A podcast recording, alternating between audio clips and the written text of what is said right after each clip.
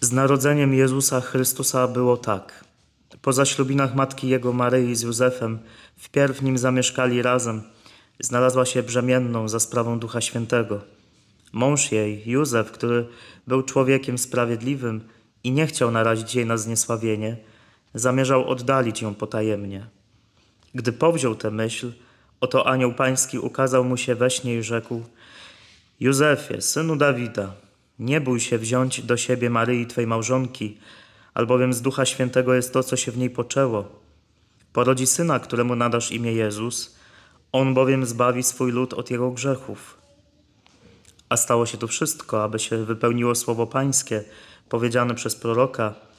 Oto dziewica pocznie i porodzi syna, któremu nadadzą imię Emmanuel, to znaczy Bóg z nami.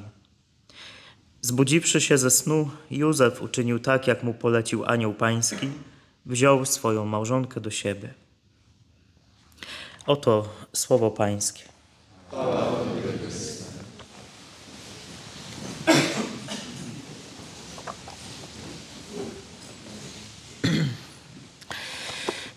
Z narodzeniem Jezusa Chrystusa było tak.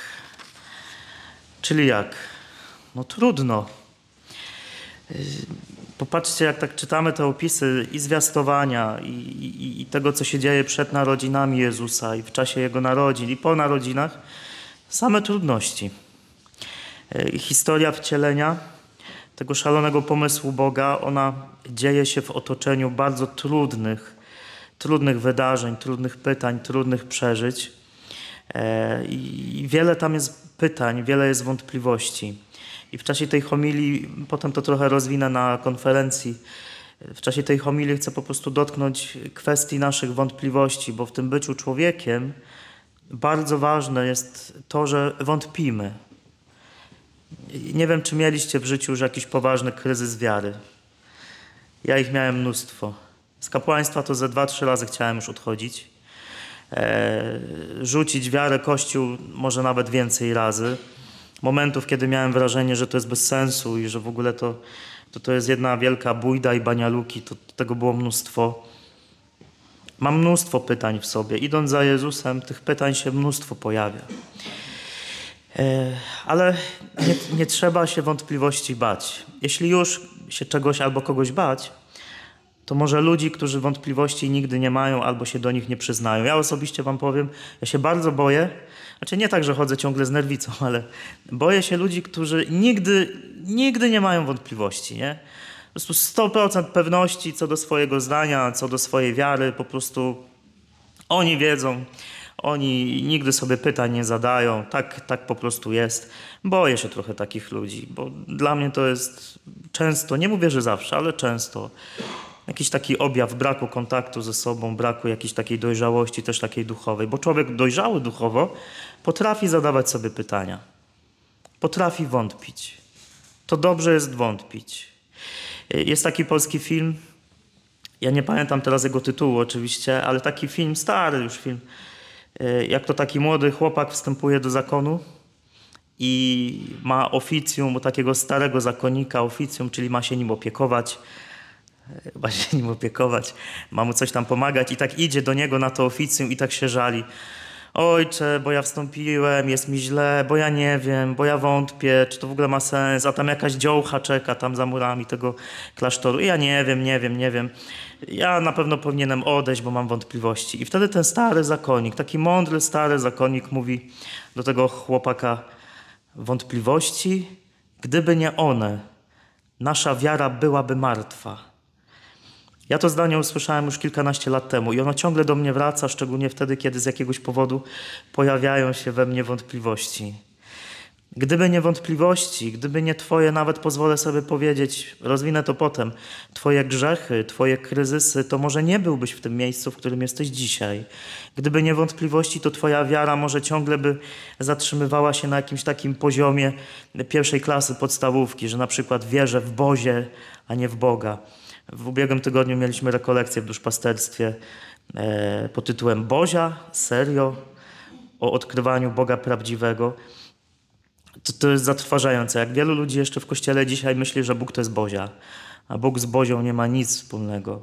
Gdyby nie wątpliwości, nie pytania, które sobie zadajemy, to być może stalibyśmy w miejscu. E, człowiekiem, który nie bał się zadawać sobie pytań, jest Józef. Dla mnie to jest człowiek, no, który zderzył się z taką ścianą i z takimi wątpliwościami, że głowa mała. Ja bardzo lubię czytać Ewangelię, wiecie, tak, tak o takiej bardzo ludzkiej strony i tak próbuję się wczuwać w bohaterów danego fragmentu. No i spróbujcie się wczuć w tego biednego, świętego Józefa. Dzisiaj święty, wtedy to jeszcze może nie był święty, no bo jeszcze żył. No ale wyobraźcie sobie, macie plan na życie. Kredyt zaciągnięty, mieszkanie przygotowane, wybudowane. Macie swoją ukochaną kobietę, dla której jesteście być może wszystko w stanie zrobić. I ona przychodzi do was e, po ślubie, a w zasadzie jakby w połowie ślubu, bo Żydów ślub miał swoje etapy. Oni byli po pierwszym etapie, nie byli jeszcze w pełni, w pełni małżeństwem, jeszcze nie zamieszkali razem, dlatego też Mateusz to zaznacza. Przychodzi twoja kobieta i ci mówi, słuchaj, jest taka sprawa, nie? Jestem w ciąży, ale nie z tobą, z Duchem Świętym. No panowie, czy jakby do was przyszła wasza kobieta, co byście zrobili? Jakby przyszła do mnie moja kobieta, której nie mam, żeby nie było. Ale jakby do mnie przyszła moja kobieta i by mi coś takiego powiedziała, to ja bym powiedział, nie wiem, sobie myślę, Paulinka, słuchaj, tam dobry lekarz przyjmuje, nie? Psychiatra, to jakby może najpierw tam. Oczywiście ja to, to specjalnie trochę spłacam, żeby troszeczkę cię tak może sprowokować, ale spróbujcie się postawić w miejscu Józefa, któremu się zawalił świat. To nie było tak, że on powiedział, a dobra Maryja, nie ma problemu, wszystko czaję, wszystko rozumiem. On nie był przy Maryi w trakcie zwiastowania. On się, on się zmaga z tym, co go spotkało. Dlatego zamierza oddalić ją potajemnie. W Izraelu, kiedy żona dopuszczała się cudzołóstwa, e, za to była, była jedna kara śmierć. Także Józef wie, że jeśli się przyzna i powie wprost i, wprost i wszystkim, że moja kobieta jest w ciąży, ale nie ze mną, to po prostu przyjdą ją ukamienują. Maryi grozi, grozi śmierć, dlatego chce ją oddalić potajemnie. Chce ją oddalić. Jakby, to nie jest tak, że on przyjął to tak bezproblemowo. Chce ją oddalić. Nie radzi sobie z tą sytuacją. Ja lubię patrzeć na Józefa jako na takiego faceta, naprawdę też z jajami, który pozwolił sobie na wątpliwości i na pytania. Ale coś, co Józef zrobił, to sobie z tymi wątpliwościami trochę pochodził. Musiał się z nimi przespać i to dosłownie, bo to w śnie do niego przychodzi anioł i mówi: No, słuchaj, gościu, jest troszeczkę inaczej niż ci się wydaje. On się musiał przespać ze swoimi pytaniami, wątpliwościami. Bóg musiał mu parę rzeczy objaśnić, i wtedy Józef, kiedy zbudził się ze snu, uczynił tak, jak mu polecił anioł pański. Wziął swoją małżonkę do siebie. Czy było mu dalej łatwo? Podejrzewam, że nie, bo miał inne plany na życie.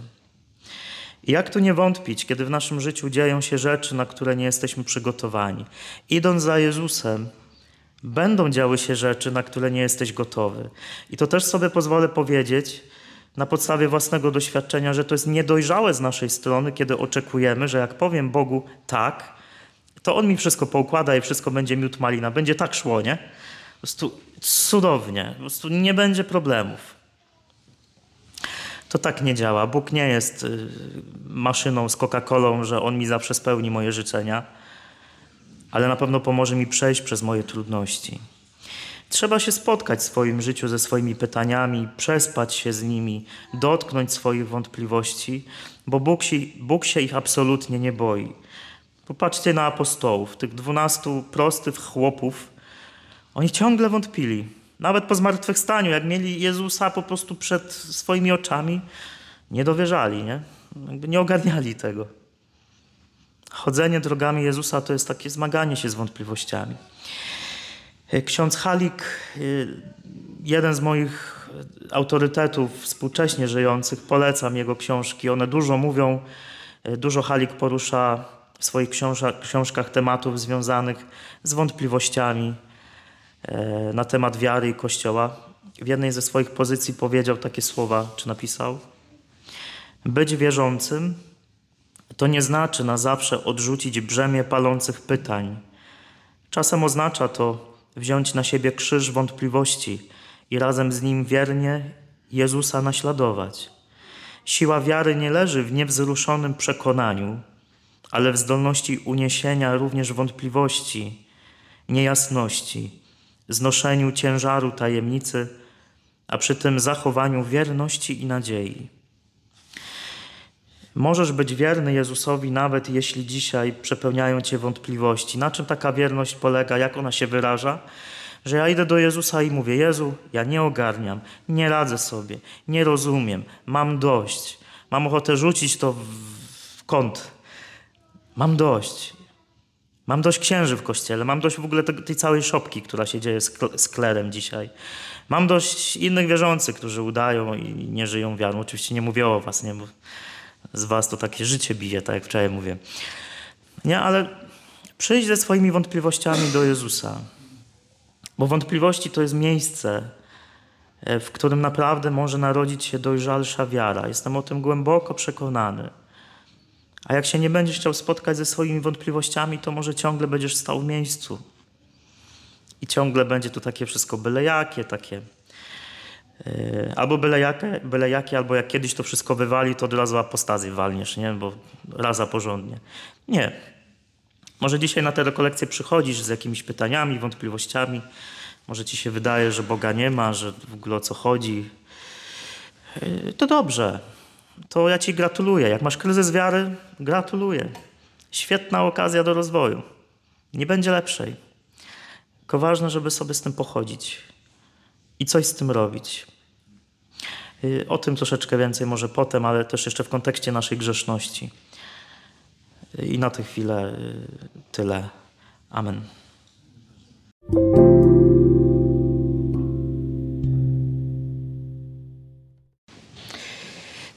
Postanowiłem zmienić miejsce, bo tu mi się lepiej was widzi, tam trochę mi zasłania, zasłania ambona, także wybaczcie tę nieliturgiczną pozycję, że tak powiem. E, kochani, to co było na homilii, to było, no nazwijmy to tak szumnie, preludium do tego, co chciałbym poruszyć teraz. A chciałbym dzisiejszego dnia Ci zwrócić uwagę na to, że to bardzo ludzkie jest grzeszyć, bardzo ludzkie jest pytać, wątpić, nie radzić sobie. Możesz to rozszerzyć o cokolwiek chcesz, o płacz, o rozpacz, o co nie wiem, co jeszcze. Bo myślę, że być człowiekiem to znaczy też być słabym. I ta przestrzeń naszej słabości e, jest przestrzenią wartą naszej uwagi. Oczywiście ja nie utożsamiam grzechu ze słabością, e, ze smutkiem. To są różne doświadczenia, ja sobie tak będę tym żonglował, ale oczywiście nie chodzi mi o to, że kiedy się smucisz, to grzeszysz. To, to, to, to jest herezja. Józef, kiedy sobie nie radził, kiedy miał wątpliwości, to on nie grzeszył. A to jest ludzkie pytać. Wątpliwości nie są od razu grzechem, ale wokół grzechu szczególnie za chwilę chciałbym troszeczkę się z Tobą porusz, poporuszać. W każdym razie, kochani, jedna myśl, z którą możecie dzisiaj wyjść, z którą warto wyjść, na którą warto sobie pozwolić, że to dobrze być słabym. E, jeśli, daj Boże, kiedyś będę świętym, takim, że se będę na obrazku wisiał, wątpię, ale kto wie, to chciałbym być takim orędownikiem, szczególnie dla tych, którzy zmagają się z różnymi słabościami, dla ludzi, którzy żyją w jakichś ciemnościach. Ja jestem orędownikiem naszej słabości, to znaczy ja jestem głęboko przekonany, że to, co w nas najsłabsze, to jest bardzo ważne. To jest jakaś taka tendencja też w tym naszym kościelnym życiu, żeby jakoś się specjalnie tą słabością nie zajmować. I to nawet, nawet widać w życiorysach świętych, nie? że te życiorysy, te hagiografie często są tak, tak słodkie, tak aż do pożygu, za przeproszeniem. A gdyby tak poczytać o tych słabościach tych świętych, to oho, to byśmy sobie mogli dużo ciekawych rzeczy dowiedzieć, nie? Że święci ludzie, zanim zostali święci, to oni się bardzo zmagali. To nie było tak, jak to chyba jest taka legenda o świętej Agnieszce, że ona jak się urodziła, to od razu jak wyskoczyła, wyskoczyła z łona matki, to uklęknęła, złożyła rączki i zmówiła Ojcze nasz po łacinie. Nie? Jakby tak święta była, że już po prostu... Oczywiście to są banialuki, to tak nie działa. Świętość nie dzieje się z automatu. Żeby stać się świętym człowiekiem, to trzeba się spotkać ze swoją słabością, ze swoją grzesznością. I chcę pokazać Ci dzisiaj, że to jest przestrzeń, w której może dokonać się wzrost że to jest przestrzeń, którą dobrze byłoby się zaopiekować, czy to jest jakaś słabość, jakieś uzależnienie, grzech, cień, jak to nazywa Jung, taka jakaś niefajna część naszej osobowości, że to jest coś, co wymaga uwagi, to jest przestrzeń, która wymaga uwagi. I na początek taka ciekawostka, którą sobie potwierdziłem w tym roku, kiedy byłem na Podlasiu. Kocham Podlasie, to jest moj, na tę chwilę moja ulubiona część Polski. Kocham tam jechać i wdychać te, te, te łajno i ten zapach tego pola i tych wszystkich bajerów, szmerów, uwielbiam to. I, I, w tym roku potwierdziłem to, co chcę powiedzieć. Mianowicie, ja tego nie wiedziałem 33 lata, ale wiecie, że pieczarki, te, te polne pieczarki, rosną na końskich odchodach? Wiedzieliście? Ja nie wiedziałem. Ja myślałem całe życie, że pieczarki to w szklarni, nie? Rosną. A się okazuje, że pieczarki w naturze rosną na żyznych terenach, szczególnie tam, gdzie koń zrobił to, co zrobił. Ci po prostu pieczarki rosną na... No, nie? I ten obraz tak mnie, tak mnie zachwycił, że sobie pomyślałem, że to jest dokładnie obraz tego, co w nas najsłabsze, naszego grzechu. Że to, co jest naszym grzechem, słabością, uzależnieniem, wadą, cokolwiek tam byś sobie wstawił, no to to jest taki koński placek. Śmierdzi to, jest nieprzyjemne, brudzi, ale jaka tam jest potężna moc. W takim końskim placku, ile tam jest potencjału ukrytego. No się śmiejecie, ale jak idziecie rano po bułeczki do Biedronki, to gdyby nie te końskie placki i te końskie y, krowie placki, no to by takie ładne rzeczy by nam na polu nie rosły, nie? Ja pochodzę ze wsi, więc do mnie to bardzo przemawia. I, i, i ten zapach kup zwierzęcych to był zapach codzienny, który mi się bardzo dobrze kojarzy, o dziwo. Ale nasz grzech, nasza słabość to jest coś takiego. To, to się wydaje, że to jest takie B, ale jeśli będę ciągle od tego uciekał i się tym nie zajmę, no to nigdy mi takie pieczarki nie wyrosną. To ja się taką dorodną, soczystą, lśniącą pieczarą nigdy nie stanę, jeśli nie pozwolę Bogu przemienić mojej słabości. Święty Paweł to mówił, uwielbiam to zdanie, zdanie. Paweł z taką dumą mówił: Najchętniej będę się chlubił z moich słabości, aby zamieszkała we mnie moc Chrystusa. Jeden z największych świętych ever fundament chrześcijaństwa mówi: Będę się chlubił z moich słabości. Nie po to, żeby mówić ludziom, co mogą zrobić, żeby nagrzeszyć, ale dlatego, że tam, gdzie jestem najsłabszy, to tam jest największy potencjał. Jakkolwiek to brzmi, ja naprawdę jestem o tym przekonany, bo też tego doświadczam. Że tam, gdzie jestem największą pierdołą życiową dzisiaj, jeśli tylko się tym zajmę, to może coś cudownego się tam wydarzyć w tym smutku, który może odczuwasz z jakiegoś powodu. Może coś, ktoś z Was przychodzi na telekolekcję i coś tam trudnego teraz sobie przeżywasz. To może być miejsce, w którym narodzi się coś nowego. Kto wie? Dla mnie takim końskim plackiem, takim, taką końską kupą, aż mam ochotę mocniej powiedzieć, to już nie z msza to w sumie, ale no dobra. Ale potem to na internety idzie, to z, będą się czekać znowu, nieważne. Dla mnie takim końskim plackiem E, była i czasem jeszcze jest, ale była szczególnie 4 lata temu depresja. 4 lata temu bardzo mocno zachorowałem na depresję. Myślę, że chorowałem na nią wcześniej już, ale 4 lata temu to ja się już z taką ścianą zderzyłem, że ja musiałem się przyznać do tego, że ja tonę w tej końskiej kupie i to tonę tak mocno, że albo, albo zaraz coś spróbuję z tym zrobić, albo się po prostu utopię. Się zadławię tym całym łajnem i po prostu już nic ze mnie nie będzie. Wtedy największym moim marzeniem każdego dnia było to, żeby wrócić do swojego pokoju, się powiesić. To było, to było moje największe pragnienie. Nie tak, nie wiem, pragniesz, nie wiem, co tam możesz pragnąć. iPhone'a najnowszego, spotkania miłości życia, nie wiem, zobaczenia serialu ulubionego.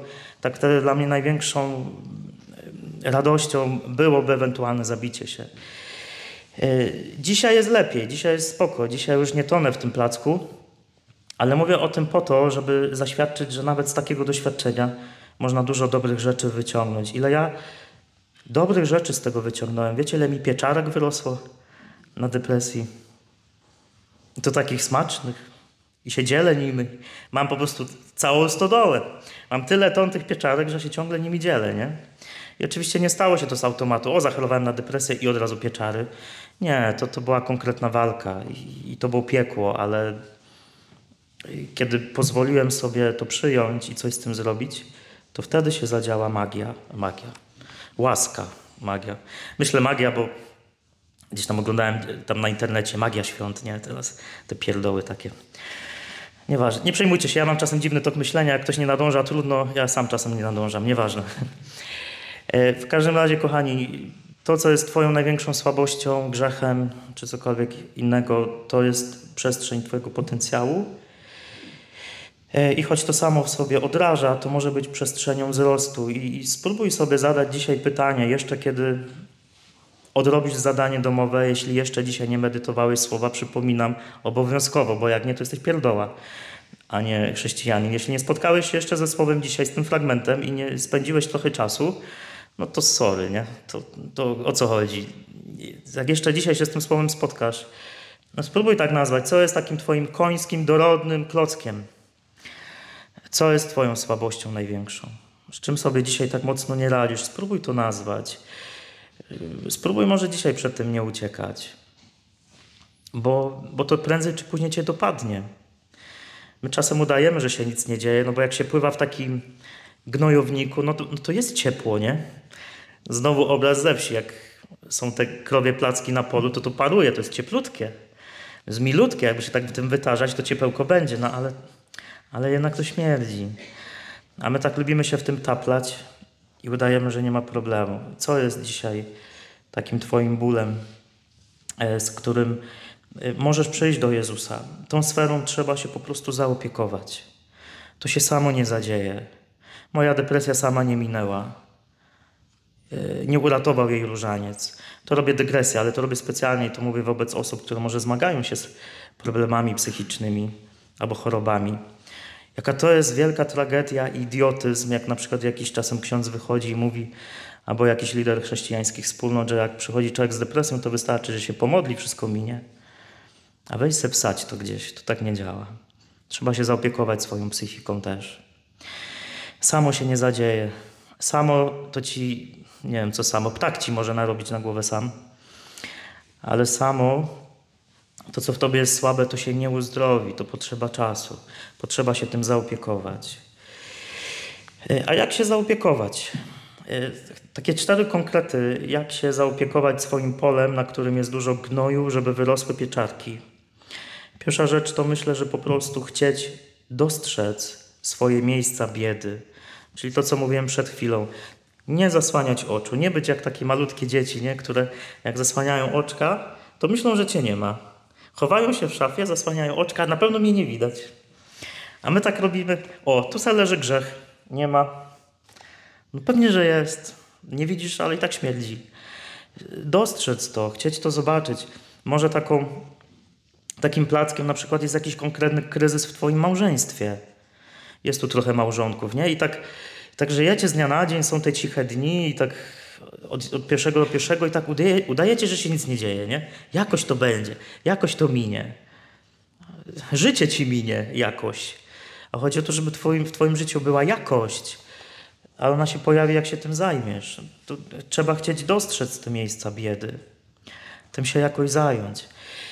Na tych rekolekcjach, o których wczoraj wspominałem, kiedy. A nie, nie wspominałem, to rano mówię, to nieważne. Byłem na rekolekcjach ostatnio takich swoich kapłańskich prowadził świetny ksiądz. Ja w ogóle nie cierpię słuchać księży, po prostu mnie tak nudzą i takie często, nie wiem skąd, ale przyjechał wtedy taki franciszkanin, polecam w ciemno, Piotr Wardawy.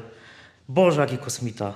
Ja go słuchałem jak świnia grzmotu. Ja po prostu leciałem i każde słowo spijałem z jego ust. Mówię, no niesamowite, w końcu znalazł się ktoś, kto mnie pociąga swoim głoszeniem. I, e, i, i co? I co ja chciałem powiedzieć? Eee, I zapomniałem ty. Boże, nie mi tego teraz, mój mózgu. Co?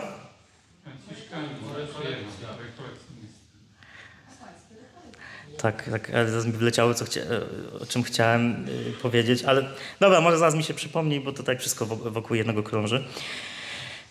Y, ale on wtedy tak fajnie właśnie mówił, że dobrze byłoby się spotkać, o, przypomniał mi się ze swoją biedą. I dużo mówił też tego, co ja dzisiaj mówię. Ja trochę z niego zżynam, ale nie słowo w słowo oczywiście. I potem jak była kawa, tam się wtedy na kawie siada z księżmi i tak gadamy ze współbraćmi i jeden z nich opowiada o jednym decyzjalnym księdzu, starym już, który tak słucha, nie? Tego Piotra, który mówi Two, celem twojego życia kapłańskiego jest to, żebyś był szczęśliwy, żebyś żył, żebyś żył na pełnej petardzie. I ten stary ksiądz mówi, ale on tego nie rozumie, on całe życie jest nieszczęśliwy, ale już niewiele mu zostało do, do śmierci, to jakoś pociągnie jeszcze. Ja sobie pomyślałem, Boże, o co chodzi? To nie o to chodzi w życiu czy w kapłaństwie. Trzeba się zająć swoją biedą. Niesamowity gnojownik musiał być wylany w życiu tego księdza, którym nigdy się nie zajął. No i tak może umrze, nie? Tak w tym gnoju. Ciekawe, co mu Jezus powie potem. Więc jeśli w Twoim życiu jest coś, co sprawia, że jesteś nieszczęśliwy, to weź się, babo, chopie, tym zajmij, no. To się samo nie zadzieje. Pan Bóg tego za Ciebie nie zrobi. Nie pododał Ci rozum i rączki, żeby za Ciebie robić. Trzeba się tym zająć. Jeśli jest Ci w życiu źle, to trzeba zrobić jakiś krok. Oczywiście na tyle, na ile potrafisz. Na tyle, na ile potrafisz, bo często nie jesteśmy w stanie wielu rzeczy zrobić. Ja teraz nie zapraszam do tego, żeby magicznie sobie powiedzieć, dobra, poradzę sobie, wszystko jutro będzie ok. Nie, jakiś malutki krok. Może dobrze byłoby zacząć od tego, żeby dostrzec. O, jestem w depresji, mam ochotę się zabić, chyba jest coś nie tak. O, nie gadam ze swoją żoną od tygodnia, albo gadamy tylko o tym, co na obiad, chyba jest coś nie tak. Nie? Przychodzę na niedzielę na mszę świętą, nie chce mi się cholernie i w ogóle wychodzę jeszcze bardziej sfrustrowany. Chyba jest coś nie tak. Nie? Pierwszy krok. Drugi. Popatrzeć na swoje miejsca biedy, na swoje placki ze spokojem. Rolnik jak wyrzuca to łajno na pole, to on nie krzyczy w panice, o Boże, gnój leży, jak tak można, śmierdzi. Tylko popatrzeć ze spokojem. Wiecie, jak już nazwiesz to, co jest w tobie słabe, to yy, nie wal się po głowie. Nie dokładaj sobie jeszcze ciężaru. Zgrzeszyłeś, to zgrzeszyłeś. Po co drążyć temat? Zgrzeszyłeś, to znaczy nazwij to konkretnie i coś z tym zrób, ale nie chodź ciągle i, i, i nie biczuj się za to, że zrobiłeś to czy tamto. Albo jeśli jest jakaś przestrzeń, z którą sobie nie radzisz, na przykład nie radzisz sobie kompletnie w relacjach, na przykład z kobietami, chciałbyś bardzo być w związku, ale kompletnie ci to nie wychodzi, bo jeszcze coś tam ci nie działa. No i tak codziennie, i tak codziennie się za to e, każesz, to weź przestań. Popatrz na to ze spokojem. I tutaj myśl tego Piotrka Wardawego. On powiedział fajną rzecz i strasznie mnie to zainspirowało, że jak grzeszymy, ja zaraz jeszcze do grzechu przejdę już stricte, ale jak grzeszymy, to zazwyczaj grzeszymy dlatego, że czegoś szukamy. I zazwyczaj szukamy czegoś dobrego. Tylko w tych poszukiwaniach i realizacji tych pragnień idziemy totalnie na skróty. Po poznańsku, na szagę. Jak chodzicie w górach, to jak zejdziecie ze szlaku i pójdziecie na skróty, to, to wiecie, jak to się może skończyć. Skończycie jak ten gość w wiadomościach, co szedł morsować w, w krótkich spodenkach, latał po górach, nie? To go tam ściągali, bo ledwo przeżył i się tam już umierał w śniegu. Jak grzeszę, to zazwyczaj czegoś szukam, to szukam czegoś dobrego. Jak przychodzą do mnie studenci na rozmowy, czy się dzieją spowiedzi, jeden z najczęstszych tematów, ale to nie tylko studentów, no to jest kwestia naszej seksualności. Nie? Jak przychodzi ktoś taki, że ciągle w różne związki wchodzi i co jakiś czas hop do łóżka z kimś innym, to ja lubię pytać, a czego ty szukasz? Nie, jakby, za czym ty tak bardzo tęsknisz, że tak usilnie szukasz, nie za bardzo ci to wychodzi, ale czego ty szukasz w twoich decyzjach? Grzeszymy, bo szukamy czegoś dobrego. Jakby, no, nikt z nas nie żyje z takim nastawieniem, a chciałbym zniszczyć swoje życie, nie? Jakby każdy z nas chce być szczęśliwy. To wczoraj o tym chyba mówiłem. E, to jest podstawa naszego, naszej tożsamości, że chcemy być po prostu szczęśliwi, tylko czasem kompletnie robimy to źle w dążeniu do tego szczęścia. I tutaj już stricte o grzechu. To też jedna myśl, która może trochę rozwalić ci system, bo mi bardzo rozwaliła. Bo kiedy mówię o grzechu, to ja nie mam na myśli przekroczenia tylko jakiejś normy. Czyli zażarłeś kiełbasę w piątek, to jest grzech i się muszę iść wyspowiadać, bo Pan Bóg się obraził, sfochował się jak taka młoda nastolatka, uciekł do pokoju i teraz jak mnie nie przeprosisz, to ja się już na Ciebie nie spojrzę. Nie, to polskie słowo grzech, ono pochodzi z takiego greckiego słowa hamartia, które w Grece dosłownie oznacza nie trafić w cel. To jest taki, taki termin, który pochodzi e, ze sztuki strzelectwa. Jak strzelałeś z łuku, nie trafiłeś do tarczy w środek, to się działa hamartia, szczególnie jak żeś walnął obok tarczy. Grzeszyć to znaczy nie trafić w cel.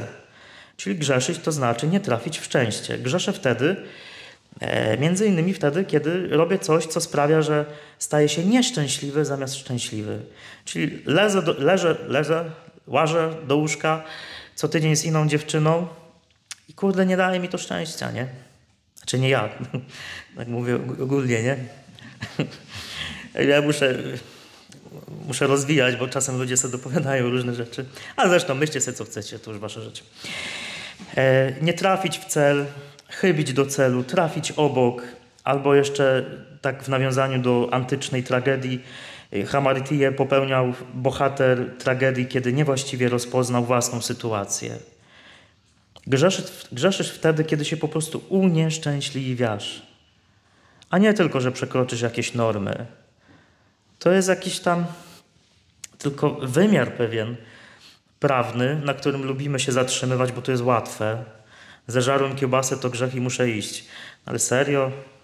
To, to chyba mówił Grzywocz, a ja za nim powtórzę. Ja w ogóle kocham Grzywocza. To, to szkoda, że nie żyje. A może żyje, może gdzieś się zaszył, kto wie. Ale on kiedyś właśnie przyszła do niego babka do spowiedzi, nie? No i taka typowa spowiedź, pierwszopiątkowa. Nie mówiłam modlitwy rannej, wieczornej, zjadłam kiełbasę w piątek, więcej nie pamiętam, bla, bla, bla. A ksiądz Krzysztof Grzywocz pyta, proszę pani, a, a jak to zjedzenie kiełbasy zaburzyło pani relacje z Bogiem? Co się ksiądz czepia, o co księdzu chodzi, w ogóle o co chodzi, jaki problem? Ja też mam czasem ochotę pytać, zeżarłeś tą kiełbasę i co? Jak ci to przeszkodziło w twojej relacji z Bogiem? Zostaw już tę kiełbasę, a zadaj sobie pytanie, idąc do spowiedzi, jak ja zniszczyłem moją więź z Jezusem, z drugim człowiekiem, z sobą samym? Co ja zrobiłem, że w moim życiu jest dużo nieszczęścia zamiast szczęścia? I to jest trudniejsze, nie? Bo jak człowiek tak zacznie kminić, to oho, to musi trochę wejść tu w siebie. Więc kochani, grzech jest czymś takim i kiedy grzeszymy, w takiej perspektywie myśląc, po prostu nie trafiamy w szczęście.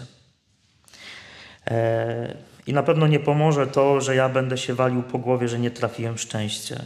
Jak połamiesz nogę, jeszcze sobie specjalnie połamiesz drugą, żeby sobie pomóc, no to, to nie wiem, czy ci to pomoże, nie? Popatrzeć ze spokojem. O, placek. Śmierdzi. Ciekawe, kiedy go zrobiłem. Taki, taki jest. Popatrzeć ze spokojem. Trzecia rzecz, jak już ponazywam i popatrzę ze spokojem, to absolutnie się na tym nie skupiać, ale zadać sobie pytanie, co ja z tym konkretnie zrobię i, i co mi w życiu nie działa. Czyli konkret. Kiedy, jak ostatnio byliście u spowiedzi e, i wychodząc ze spowiedzi, kiedy sobie ostatnio zadaliście pytanie, co, co ja teraz konkretnie zrobię w moim życiu duchowym, żeby troszeczkę pójść do przodu?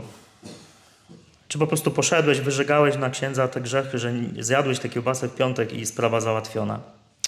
Czy od tego się zmienia życie? No nie bardzo. Dobrze jest sobie zadać pytanie, jeśli już wiem, co mi konkretnie nie trybi, to spróbuję coś z tym zrobić. Jeśli na przykład widzę, że kompletnie nie radzę sobie w relacjach z ludźmi, bo ich bardzo ranię, albo wchodzę w jakieś totalnie niedojrzałe, toksyczne relacje, to co ja z tym zrobię? Może pójdę na terapię. Ja jestem po trzech. Polecam. Oczywiście terapia nie zbawia, terapia nie zmienia wszystkiego, ale potrafi nieźle pouporządkować w głowie, chociaż jak widać i słychać, nie wszystko, ale potrafi wiele poukładać. Jakiś konkret, nie skupiać się na grzechu. No, rolnik, który by tak codziennie przyjeżdżał na pole i tak adorował ten gnój, zamiast potem jeszcze posypać ziarnem, no to byłby głupi, nie? My to tak stawał, mówił, o jakie ładne, takie brązowe albo ciemne, tak pachnie ładnie. Wezmę trochę dla żony, niech popatrzy też w domu. No nie, no nie skupiaj się na swoim grzechu, nie adoruj swojego grzechu. Albo nie adoruj swoich słabości. Ja pamiętam, że jak byłem w głębokich fazach depresji, ja uwielbiałem się w niej taplać. Uwielbiałem robić wszystko, co możliwe, żeby ją pogłębiać. Kiedy było mi smutno, uwielbiałem robić wszystko, żeby, żeby było mi jeszcze bardziej smutno. Tak jak, nie wiem, jest nam smutno, puszczamy jakie piosenki? Smutne, nie? Czy tylko ja tak mam? Macie też tak? O, dobra, jest przynajmniej jedna osoba. No jak jest mi smutno, mam taki dzień doła, już takiego no, normalnego doła, uwielbiam się dorożnąć smutnymi piosenkami. Jest jeszcze mi gorzej, nie? Chociaż czasem dzięki temu potrafię troszeczkę bardziej w siebie wejść, ale zazwyczaj to jest po to, żeby tak troszeczkę się ojojać, i mówić, no jaki ty biedny jesteś, ojojo, jaki ty w ogóle słaby i do kitu i w ogóle jedno wielkie G. nie skupiaj się na swoim grzechu. Tylko skup się na tym, co z tym zrobisz. Do spowiedzi też idziesz po to, żeby się nie skupiać tylko na grzechu, tylko na miłości Jezusa. Po co my łazimy do spowiedzi? Żeby się pochwalić grzechami? Księże Michale, ksiądz słucha. Takie coś zrobiłem. Taka kupa. Ksiądz patrzy. No nie, zrzucasz to i zostawiasz, a sobie zadajesz pytanie, jakie ziarno wysypiesz na to wszystko. I czwarta rzecz, y, dobrze byłoby w tym wszystkim zobaczyć szansę. Y, czyli jak już nie adorujesz tego grzechu, nie wpatrujesz się tylko w niego, to spróbuj sobie dopuścić do siebie myśl, że jest w tym skryta jakaś szansa. Mi na przykład depresja pomogła troszeczkę lepiej zrozumieć ludzi. Nie wszystkich, bo ja ciągle nie ogarniam ludzi. Im dłużej żyję na świecie, tym chyba coraz trudniej mi ludzi rozumieć niektórych. Ale na przykład pomogła mi zrozumieć właśnie ludzi chorujących na depresję, nie? Jakby jak ktoś przychodzi do spowiedzi na rozmowę i mówi, że ma jakieś epizody depresyjne, ja, to ja potrafię powiedzieć, no, czaję, niezłe piekło. Nie będę ci mówił, że będzie dobrze, ale mogę chwilę z tobą w tym posiedzieć. Chcesz? Tak posiedzę w twojej kupie na chwilę. Chcesz? Może dzięki temu łatwiej ci będzie z niej wyjść. Zobaczyć też w naszym grzechu y, potencjał, bo to jest bardzo Jezusowe. Popatrzcie, jak się Jezus odnosił do grzeszników. Jak Jezus spotykał ludzi grzesznych, prostytutki, celników, największe szumowiny, to co Jezus robił? Wychodził na ambony grzmiał, pójdziecie do piekła, wy grzesznicy, wy... Nie, Jezus po prostu otwierał ramiona, mówił, chodź tu, kurde, chcę cię uratować. Jak spotkał jednego z moich ulubieńców, Zacheusza, lubię go, bo to był kurdupel, bardzo dobrze rozumiem go, kiedy właził na sykomorę, jak tam próbował dojrzeć, co to się tam dzieje. Ja mam tak, jak idę na koncerty albo e, idę do kina, to zawsze się modlę, tylko żeby ktoś wysoki przede mną nie usiadł, bo nic nie zobaczę. Byłem jakiś czas temu na meczach Lecha Poznań, bo mnie studenci wyciągnęli, nie, że jestem zagorzałym kibicem, żeby nie było. Raków też dobrze gra. No to poszedłem z moimi studentami i kurde, jak były akcje, to wszyscy wstają, nie? I co? Ja już nic nie widziałem. ja musiałem tak się przeciskać. Tutaj miał ktoś kawałek dziury było, to ja mówię, o, widzę. Ale było miło, bo obok mnie stała Ewelin, taka studentka, która jest yy, pół Filipinką, więc jest też niziutka, więc tak się wspieraliśmy w tym e, doświadczeniu. Ale wracając do Zacheusza, no Jezus jak go zobaczył, celnika, kanciarza, człowieka, którego wszyscy hejtowali, niszczyli, najchętniej by mu w dziób dali, to Jezus mówi, ej, gościu, ja muszę się u ciebie zatrzymać. Ja muszę do ciebie przyjść. To jest niesamowite, jak Jezus musiał na niego patrzeć, e, że ta jego obecność, Jezusa obecność zmieniła totalnie patrzenie Zacheusza. Że po tym jak Jezus przyszedł, to mówi, Jezu, ja po prostu wszystko oddaję. A jak kogoś oceganiłem, daję mu poczwórnie. Niech ma. No to to nie, nie, nie, nie, musiał być tego jakiś powód. I myślę, że powodem tym było to, że Jezus na Zacheusza popatrzył z niesamowitą akceptacją. To też dygresja, ale jak jest ta scena, nie, tej sykomory, to jest też bardzo symboliczne, że tu jest Zacheusz, a tu jest Jezus. Nie jest odwrotnie. Że wszyscy patrzyli na tego kurdupla z góry, też to rozumiem, e, tylko nagle się zmieniają role. Jest Zacheusz wyżej, Jezus niżej, niżej i Jezus patrzy od dołu. Myślę, że Jezus musiał patrzeć z niesamowitą akceptacją. Bo to, co nas ratuje, to jest akceptacja. To znaczy, że ktoś powie mi, ja Cię biorę ze wszystkim, biorę Cię w pakiecie z Twoimi radościami i Twoimi najgorszymi historiami. Są tu małżeństwa, są związki, tak patrzę, niektórzy się tam miziają trochę, to są jakieś tutaj pary.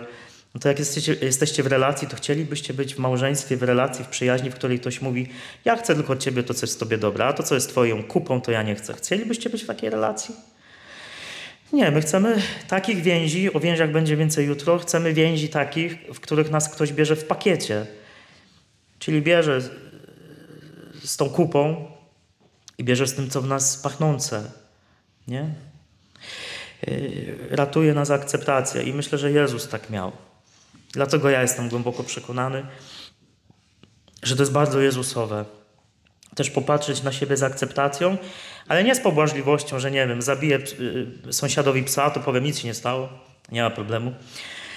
E, albo zrobię jakieś inne głupoty sąsiadowi, to udaję, dobra, nie ma problemu, każdemu się zdarza przecież, nie? To ludzkie, to ludzkie grzeszyć. Po co drążyć temat? Nie. Tylko ja się przyjmuję, ok, to jest przestrzeń, w której sobie nie radzę i z tym wszystkim do Ciebie, Jezus, Jezu, przychodzę. A kogo Jezus hejtował? To tak sobie jeszcze pomyślałem, propos tych grzeszników. Kiedy Jezusa za przeproszeniem szlak trafiał? Kiedy spotykał ludzi obłudnych, czyli takich, którzy nie przyznawali się do tego, co w sobie noszą. Faryzeusze, arcykapłani, uczeni w piśmie. No popatrzcie, jaki Jezus jest wobec nich, że Jezusa aż nosi, bo oni są tak zaślepieni, nie chcą zobaczyć swojej kondycji. A na grzeszników jakoś Jezus nie reagował złością. Takie cztery konkrety i, i chciałbym Cię zaprosić, żeby tak z takim spokojem popatrzeć na to, co w Tobie słabe. Żeby zrobić może też to, o czym mówił znowu Grzywot, że do niego się odniosę w przecudownej, w ogóle to jest genialna konferencja o depresji, polecam. Przy okazji myślę, że Grzywot sam musiał chorować na depresję, bo to nie jest możliwe, żeby ktoś, kto nie chorował, mówił takie rzeczy. On powiedział, że jak przychodzi do mojego życia depresja, rozszerzmy to o grzech, smutek, jakaś słabość, to otwierasz temu drzwi, mówisz, proszę, tu krzesło, pani usiądzie, może herbaty, co u pani słychać, co mi pani powie, z czym pani do mnie przychodzi. Że dobrze jest tak popatrzeć na swoje słabości, spróbować je zrozumieć. Bo kiedy to przyjmujemy, to, to się coś w nas zmienia. Przyjęta słabość to przemieniona słabość. Jestem głęboko przekonany, że my też w Adwencie na takiego właśnie Boga czekamy. Że po to On stał się człowiekiem, po to pokazał, że dobrze być człowiekiem, żeby, żebyśmy może z większą sympatią popatrzyli na te nasze słabości. Jezus umarł za nas jako za grzeszników, mówi słowo, nie za aniołów. Jezus przed śmiercią nie powiedział na krzyżu: Dobra, umrę za chwilę, ale proszę wszyscy się nawrócić najpierw. No, pan tu pierwszy z przodu. Żołnierzu, dajesz już na kolana, proszę się nawrócić, nie? Jezus umarł za grzeszników. I, I ciągle wychodzi do nas, do grzeszników, bo chce nas ratować. No i zakończę, a jakże grzywoczem, który powiedział, że w Adwencie na takiego właśnie Boga czekamy, na Boga, który odpuści mi grzechy, przebaczy, który nie będzie zgorszony moim życiem i nie odejdzie rozczarowany. Nie ma takiego grzechu, którego Jego miłość nie mogłaby ogarnąć. Żaden mój grzech nie może zniszczyć Jego miłości do mnie. Czekam na Boga, dla którego moje grzechy nie będą granicą. Dla Niego istotą miłości jest nie tylko dialog, który często przerywam, ale także milcząca wierność, gotowa na samotność. Wyglądam tego, który jest wierny, nawet gdy ja odchodzę i długo nie wracam. Ja wierzę, że taki jest Bóg, e, że On taki jest też wobec Ciebie. Jeśli jesteś dzisiaj taką mizerią, taką mizernością, takim słab, słabiutkim człowieczkiem, jeśli jesteś poraniony jakoś bardzo, to On Cię z tym chce. Jestem o tym głęboko przekonany. I, i, i posiedź sobie z taką właśnie myślą, że On Cię chce. On naprawdę Cię chce i jego to, jego to nie przeraża. Tak jak nie przerażały wątpliwości Józefa, pytania Maryi, o tym trochę więcej jutro, bo jutro chyba jest ta Ewangelia o Maryi. Tak i Boga nie przerażają Twoje słabości. Daję Ci, nie, nie, nie wiem co Ci mogę dać, daję Ci słowo. Jego słowo, nie swoje. Jutro, kochani, już kończę, już kończę. Specjalnie ktoś nastawił budzik, czy, czy, czy co? już kończę, także idealnie się prawie wpasowałem. E, kochani, jutro chciałbym Wam e, powiedzieć, że w tym byciu człowiekiem dobrze mieć więzi, ale takie więzi, które nie trzymają nas na uwięzi. Chcę jutro z Wami pogadać o moim ulubionym temacie, który jednocześnie jest największym moim wyzwaniem, w którym najbardziej sobie nie radzę, ale uwielbiam o nim gadać, czyli o relacjach. E, bo jestem przekonany, że to, co nas też przybliża do Boga, to są nasze relacje. Że w ogóle wiara przecież jest relacją, nie? To jest taka ciągła więź, która się dzieje. Więc jutro trochę o, o tych relacjach. Dlaczego ich potrzebujemy? Dlaczego dobrze byłoby sobie dać szansę, nawet jeśli jestem głęboko przekonany, że już nigdy Nigdy nikogo nie wpuszczę. A niech stoją przed drzwiami. E, Dlaczego nam jest trudno w tych relacjach? Dlaczego nam nie wychodzą? E, Ale dlaczego mimo wszystko warto? To o tym jutro. I amen.